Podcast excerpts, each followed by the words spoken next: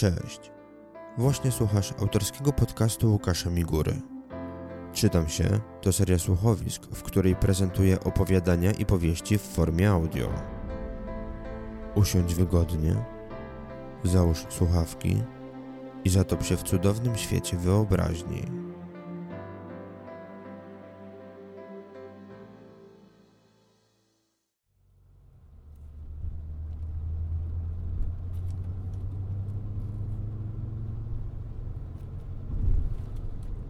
Wysokie szuwary porastające litoral Wydmińskiego jeziora przysłaniały spokojną, czarną taflę wody. Z za okien dziesięcioletniego Opla poruszającego się wyboistą nawierzchnią niewyremontowanej drogi nie sposób było dostrzec akwenu i pływających po nim żaglówek. Ale nie miało to dla mnie żadnego znaczenia. Od kilkudziesięciu minut nie zwracałem uwagi ani na otaczającą nas przyrodę, ani na mijane zabudowania. Zachwyty Sandry, mojej ukochanej żony, nad dzikością okolicznej fauny i flory zbywałem lekko wymuszonym uśmiechem. Wiedziałem, że ona tego nie lubi, tyle że ja chciałem skupić się na wąskiej drodze, irytująco wijącej się pomiędzy kolejnymi mijanymi miasteczkami. Miałem nadzieję dowieść siebie i rodzinę do celu przed zmierzchem. Nerwowo zerkałem w lusterko, spojrzeniem śledziłem słońce zbyt szybko chowające się za krzywizną terenu. I kiedy za setnym, pokonanym tego dnia zakrętem pojawił się znak z nazwą miejscowości, w której mieliśmy się zatrzymać, moją zmęczoną już twarz rozświetlił skromny uśmiech. Naparłem barkami na oparcie fotela. Prawie jesteśmy, mruknąłem pod nosem. Spojrzałem na mapę wyświetloną na pękniętym ekranie pięcioletniego Samsunga. Do Pineski wskazującej cel podróży mieliśmy jeszcze półtorej kilometra. Pokręciłem głową, żeby rozruszać zesztywniały kark. Sandra obróciła się do Antka. Siedział coraz mniej ochoczo w dziecięcym foteliku zamontowanym na tylnej kanapie. Rozglądał się niecierpliwie, miał ochotę zaprotestować, krzyknąć, że chce wysiąść, ale żona była szybsza. Zaraz będziemy, chcesz ciasteczko? Sięgnęła po ostatniego herbatnika. Antoni złapał za przekąskę i od niechcenia włożył ją w usta, krusząc przy tym do mechanizmu zapinania pasów. Na posesję przy ulicy Suwalskiej można było dostać się albo główną bramą, albo z boku, z ulicy Kajki, wjazdem schowanym za działką sąsiadów otoczoną drzewami. I to tę boczną drogę wskazał mi gospodarz, wysyłając MMS-a z mapką i odpowiednim oznaczeniem. Jadą państwo od boku i staną za domkiem, tak będzie prościej. Przeczytałem poprzedniego wieczoru, szykując się do podróży. Kiedy wreszcie zatrzymaliśmy się za drewnianą chatką wciśniętą jakby na siłę pomiędzy kilka cisów, drzewo orzechowe i modrzew i wyszliśmy na rekonesans po okolicy, zrozumiałem, dlaczego pan Stanisław prosił, by nie parkować od frontu. Za główną bramą znajdowało się wyłącznie jedno miejsce parkingowe i wjazd do blaszanego garażu. Natomiast od boku można było bezproblemowo dotrzeć pod domki dla gości. Sandra otworzyła tylne drzwi samochodu i wyjęła Antka. W oddali, pomiędzy krzakami porastającymi ogród, pojawił się niski, łysiejący mężczyzna. Zbliżał się do nas, kulejąc i machając masywną ręką ponad wypolerowaną głową. Zrobiłem kilka kroków w jego stronę. Dzień dobry, wysunąłem dłoń. Gospodarz odpowiedział uśmiechem i uścisnął moją rękę trochę zbyt mocno. Dzień dobry. To niesamowite, że dzisiaj goście sami wiedzą, jak do nas dotrzeć. Złapałem za telefon, na którym nadal wyświetlała się mapa. Pokazałem panu Stasiowi wiadomość, jaką otrzymałem, wydawać by się mogło, od niego. A to pewnie siostra państwu wysłała. Ja tam tego nie obsługuję, stwierdził rozbawiony. Pokiwałem głową ze zrozumieniem i schowałem komórkę do kieszeni. To moja żona i syn. Przedstawiłem Sandrę i Antka. Sandra, żona podała dłoń gospodarzowi. Mężczyzna uśmiechnął się szerzej. Było w tym coś osobliwego, może nawet nienaturalnego, a potem przerzucił spojrzenie na Antka. Poczochrał mu włosy i zaproponował, że oprowadzi nas po gospodarstwie. Zaczął od przestronnej, nieco pustej świetlicy. Na środku stał stary stół do ping-ponga. Na prawo od wejścia zauważyłem stertę książek pokrytych grubą warstwą kurzu, a po drugiej stronie pomieszczenia, pod telewizorem zawieszonym na obdrapanej ścianie, dwa koniki na biegunach i białą, choć miejscami zabrudzoną owieczkę. Na niej zapewne też kiedyś siadały dzieci. Nie do końca wiedziałem po co, ale musiały to robić, skoro zabawka stała w tamtym miejscu. Mogą Państwo pograć, jeśli akurat będzie padać. Gospodarz zagaił, wskazując na pomalowany zieloną farbą stół, by zaraz potem zaprosić nas dalej, w stronę gospodarczych zabudowań. Było tam kilka klatek ze zwierzętami, między innymi kury, pawie i bażanty. Tutaj mogą Państwo karmić nasze kurki. Wskazał na niewysprzątany wybieg dla drobiu. Zrobił krok i spojrzał na pustą klatkę. Jutro do tej przyniosę króliki. To wasz chłopaczek będzie mógł dać im trawy. Pokiwaliśmy głowami. Mieliśmy już dość tej osobliwej wycieczki. Chcieliśmy tylko wypakować torby i się położyć, ale gospodarz ciągnął nas dalej, do huśtawki i malutkiej piaskownicy przykrytej przemoczoną dyktą. Dopiero co ją skończyłem. Mężczyzna stwierdził dumnie, wskazując na kubkę piasku obłożoną starymi deskami zbitymi na kształt kwadratu. Antek chciał nawet wspiąć się na huśtawkę, ale Sandra wzięła go na ręce. Może później, zaczęła. Teraz musimy się rozpakować, a potem może tato zrobi kolację. Oboje uśmiechnęliśmy się do gospodarza jak najserdeczniej i podziękowaliśmy za oprowadzenie. Jakby czegoś państwo potrzebowali, proszę pukać albo dzwonić. Właściciel spojrzał w kierunku domu stojącego tuż przy bramie. Nie umieszkamy. Odparłem grzecznie i ponagliłem żonę, żeby tylko gospodarz nas nie zatrzymał.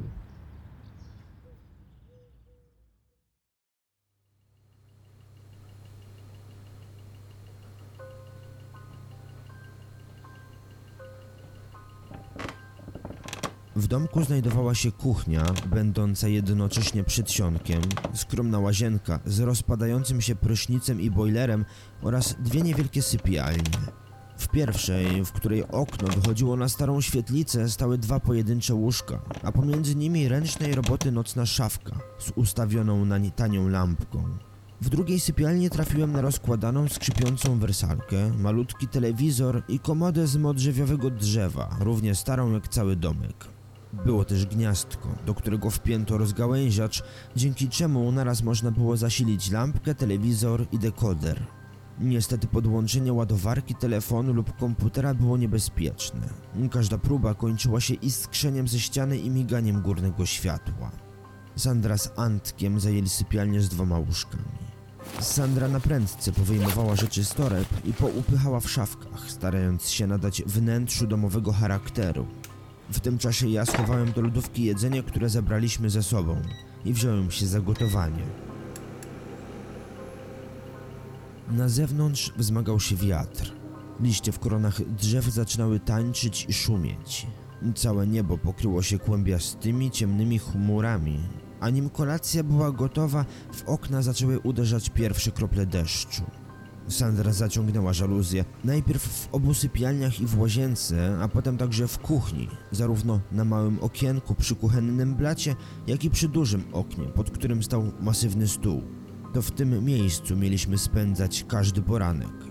Za dnia z kuchni widać było werandę i trawnik przed domkiem, ale nocą mogliśmy obserwować wyłącznie ciemność rozciągającą się aż do drzew rosnących wzdłuż płotu.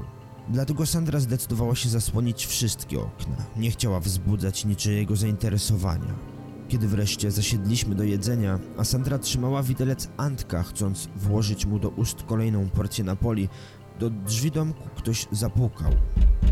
Pochyliłem się nad stołem i zerknąłem spod wypłowiałych od słońca żaluzji na werandę, na której czekał gospodarz. Wstałem z lekka poirytowany i otworzyłem drzwi. Zapaliłem światło na werandzie. Starałem się nie wypaść niegrzecznie, choć wiedziałem, jak momentami trudno mi było panować nad mimiką. Żona pomyślała, że mogą państwo zmarznąć. Dzisiaj może być chłodniej. Gospodarz wskazał na niewielki grzejnik, który stał teraz obok niego. Co się dzieje? Sandra trzymała w ręce widelec z nabitym makaronem. Nie, nic. Pan Stanisław przyniósł grzejnik, żebyśmy nie zmarzli. Wygiąłem się i zajrzałem do mieszkania.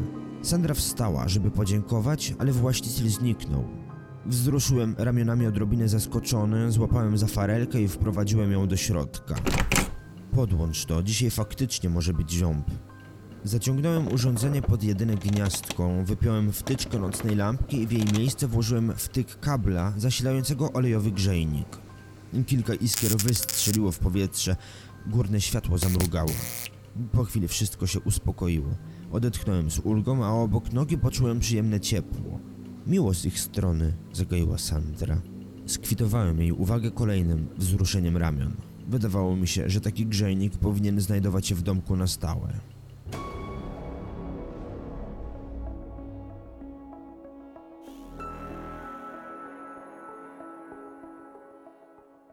Właśnie słuchasz autorskiego podcastu Łukasza Migury.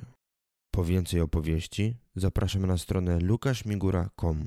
A jeśli chcesz być na bieżąco ze wszystkim, co robię, zapisz się do mojego newslettera.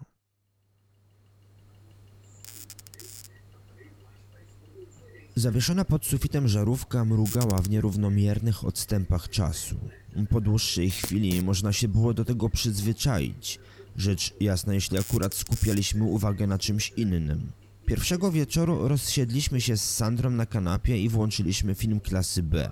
Jeden z tych sensacyjniaków, które stacje telewizyjne masowo oferują widzom, byleby mieć co wepchnąć między bloki reklamowe. Wstyd przyznać, ale nie mieliśmy do roboty nic lepszego. Internet nie działał, a czytanie przy tak słabym świetle tylko jeszcze bardziej popsułoby mi wzrok. Nie mogliśmy też pójść do łóżka, bo ściany z paździerzowej płyty były zbyt cienkie. Nie chcieliśmy obudzić Antka. Dlatego z braku lepszego pomysłu czekaliśmy, aż zrobi się wystarczająco późno, by pójść spać. Będziesz pisał? Sandra zagadnęła zmęczona oglądaniem tandetnego filmu. Nie zakładałem pracować. Chciałem odpocząć od całej tej twórczej matni, w kółko tylko plan, realizacja i poprawki. Niekończące się koło. Zaprzeczyłem. Co gorsza, od dobrych kilku miesięcy nie przyszedł mi do głowy żaden wartościowy pomysł. Dorobiłem się kilku rozgrzebanych, przeciętnych historii, z których żadna nawet mi nie wydawała się wystarczająco porywająca. Sandra popatrzyła na mnie z czułością, pocałowała i stwierdziła, że idzie do łóżka. Nie siedź zbyt długo. Rzuciła, zanim zniknęła w ciemności rozlewającej się we wnętrzu domku. Mruknąłem potakująco i zabrałem się za rozkładanie wersalki. Była chyba starsza ode mnie. Pomyślałem, że obejrzę film, a jeśli nie dotrwam, to choć popatrzę w ekran komputera, udając, że nie marnuję czasu. Miałem cichą nadzieję, że może cisza pozwoli mi się skupić i znaleźć jakąś odkrywczą myśl. Ułożyłem poduszki, usiadłem wspierając się o nie plecami i z coraz większym znużeniem wpatrywałem się w ruchome obrazy wyświetlane na 15-calowym DU. Obraz skakał i urywał się. Złapałem za pilot. Chciałem poszukać czegoś lepszego, ale telewizor się wyłączył, zaraz po nim górne światło. Żarówka zgasła, wydając z siebie osobliwe pyknięcie. Spod poduszki wygrzebałem komórkę. Był kwadrans po 23. Miałem około 40% baterii. Nie chcąc marnować energii, nie mogłem być pewien, czy rano uda mi się naładować telefon. Położyłem się na najtwardszej poduszce i zamknąłem oczy. Zasnąłem.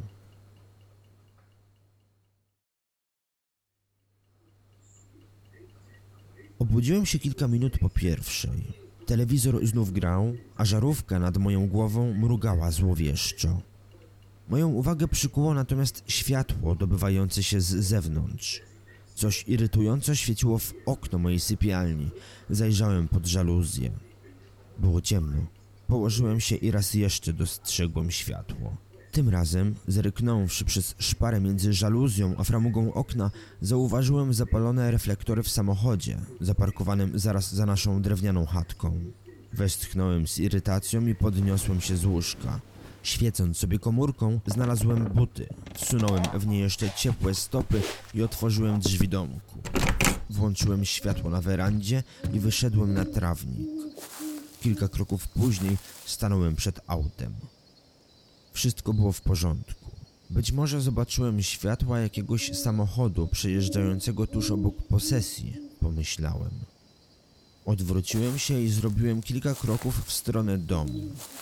W szybie świetlicowego okna ujrzałem dwa zapalone reflektory naszego wozu. Widziałem je wyłącznie w odbiciu. Zrobiłem krok. Potem drugi i trzeci. Zacząłem biec, aż dotarłem na werandę. Drzwi naszej chatki były zamknięte. Uderzałem w nie jak oszalały, szarpałem za klamkę, a potem pukałem w szybę kuchennego okna. Zadrżała. Kątem oka w odbiciu na szybie zauważyłem ruch. Jakaś postać przemknęła za moimi plecami. Odwróciłem się. Musiałem wyglądać jak dzikie zwierzę nakryte w środku lasu na szukaniu pożywienia. Światło na werandzie zgasło. Sięgnąłem do kieszeni po telefon, ale on także się wyłączył.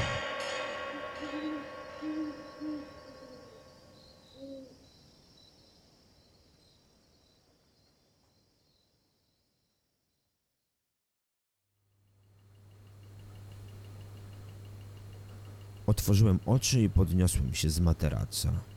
Dyszałem ze strachu, miałem przemoczoną koszulkę. Telewizor nadal był wyłączony. Podobnie jak górne światło, za oknem także nie zauważyłem niczego podejrzanego. To był sen. W drzwiach mojej sypialni pojawiła się Sandra. Wbiegła z płaczącym Antkiem na rękach. Co jest? Wszystko w porządku? Tak, chyba tak. Uspokoiłem oddech. Krzyczałeś. Chyba przez sen. Obudziłem go, zmartwiłem się. Sandra pokiwała głową potakująco. Nic nie szkodzi. Sny wróciły? Zaprzeczyłem.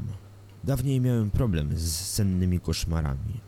Męczyły mnie, miałem nawet zamiar skorzystać z pomocy psychologa lub psychiatry, ale jakoś nigdy nie było mi po drodze. A potem Sandra zmusiła mnie do wizyty u księdza i wszystko się skończyło. Na chwilę udało mi się zapomnieć o tamtym epizodzie. Nie, to chyba coś innego. Mam się nim zająć? Wskazałem na Antka. A dasz radę? Sandra zapytała z obawą. Beznamiętnie wzruszyłem ramionami.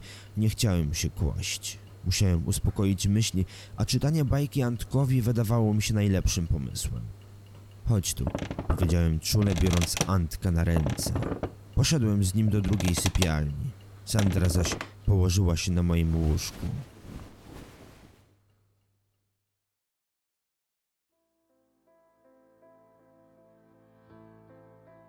To był kolejny odcinek mojego autorskiego podcastu.